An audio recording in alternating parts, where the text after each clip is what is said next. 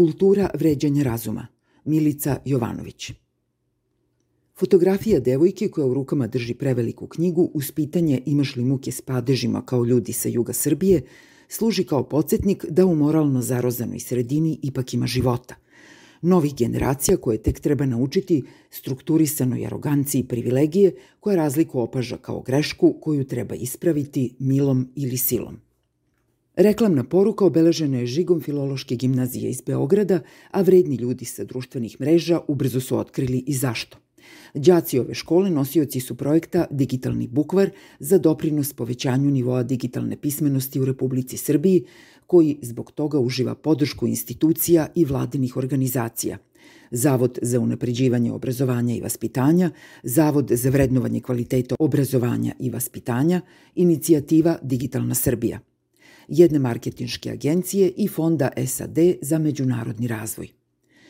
Opis projekta posredno će objasniti kakve veze velika knjiga sa fotografije, rečnik stranih reči i izraza, ima sa padežima u južnim dijalektima Srbije. Digitalni bukvar za cilj ima da na jedan savremen i pristupačan način podigne kulturu govora, ali i da štiti Ćirilicu kao naše matično pismo. Zatim se iznosi jedan zabrinjavajući podatak bez izvora, da je čak 51% srpskog stanovništva i dalje digitalno nepismeno i konstatuje. Uz ogroman uticaj stranih jezika, posebno kroz društvene mreže, linija između umerene modernizacije i potpunog otuđivanja postaje sve mutnija.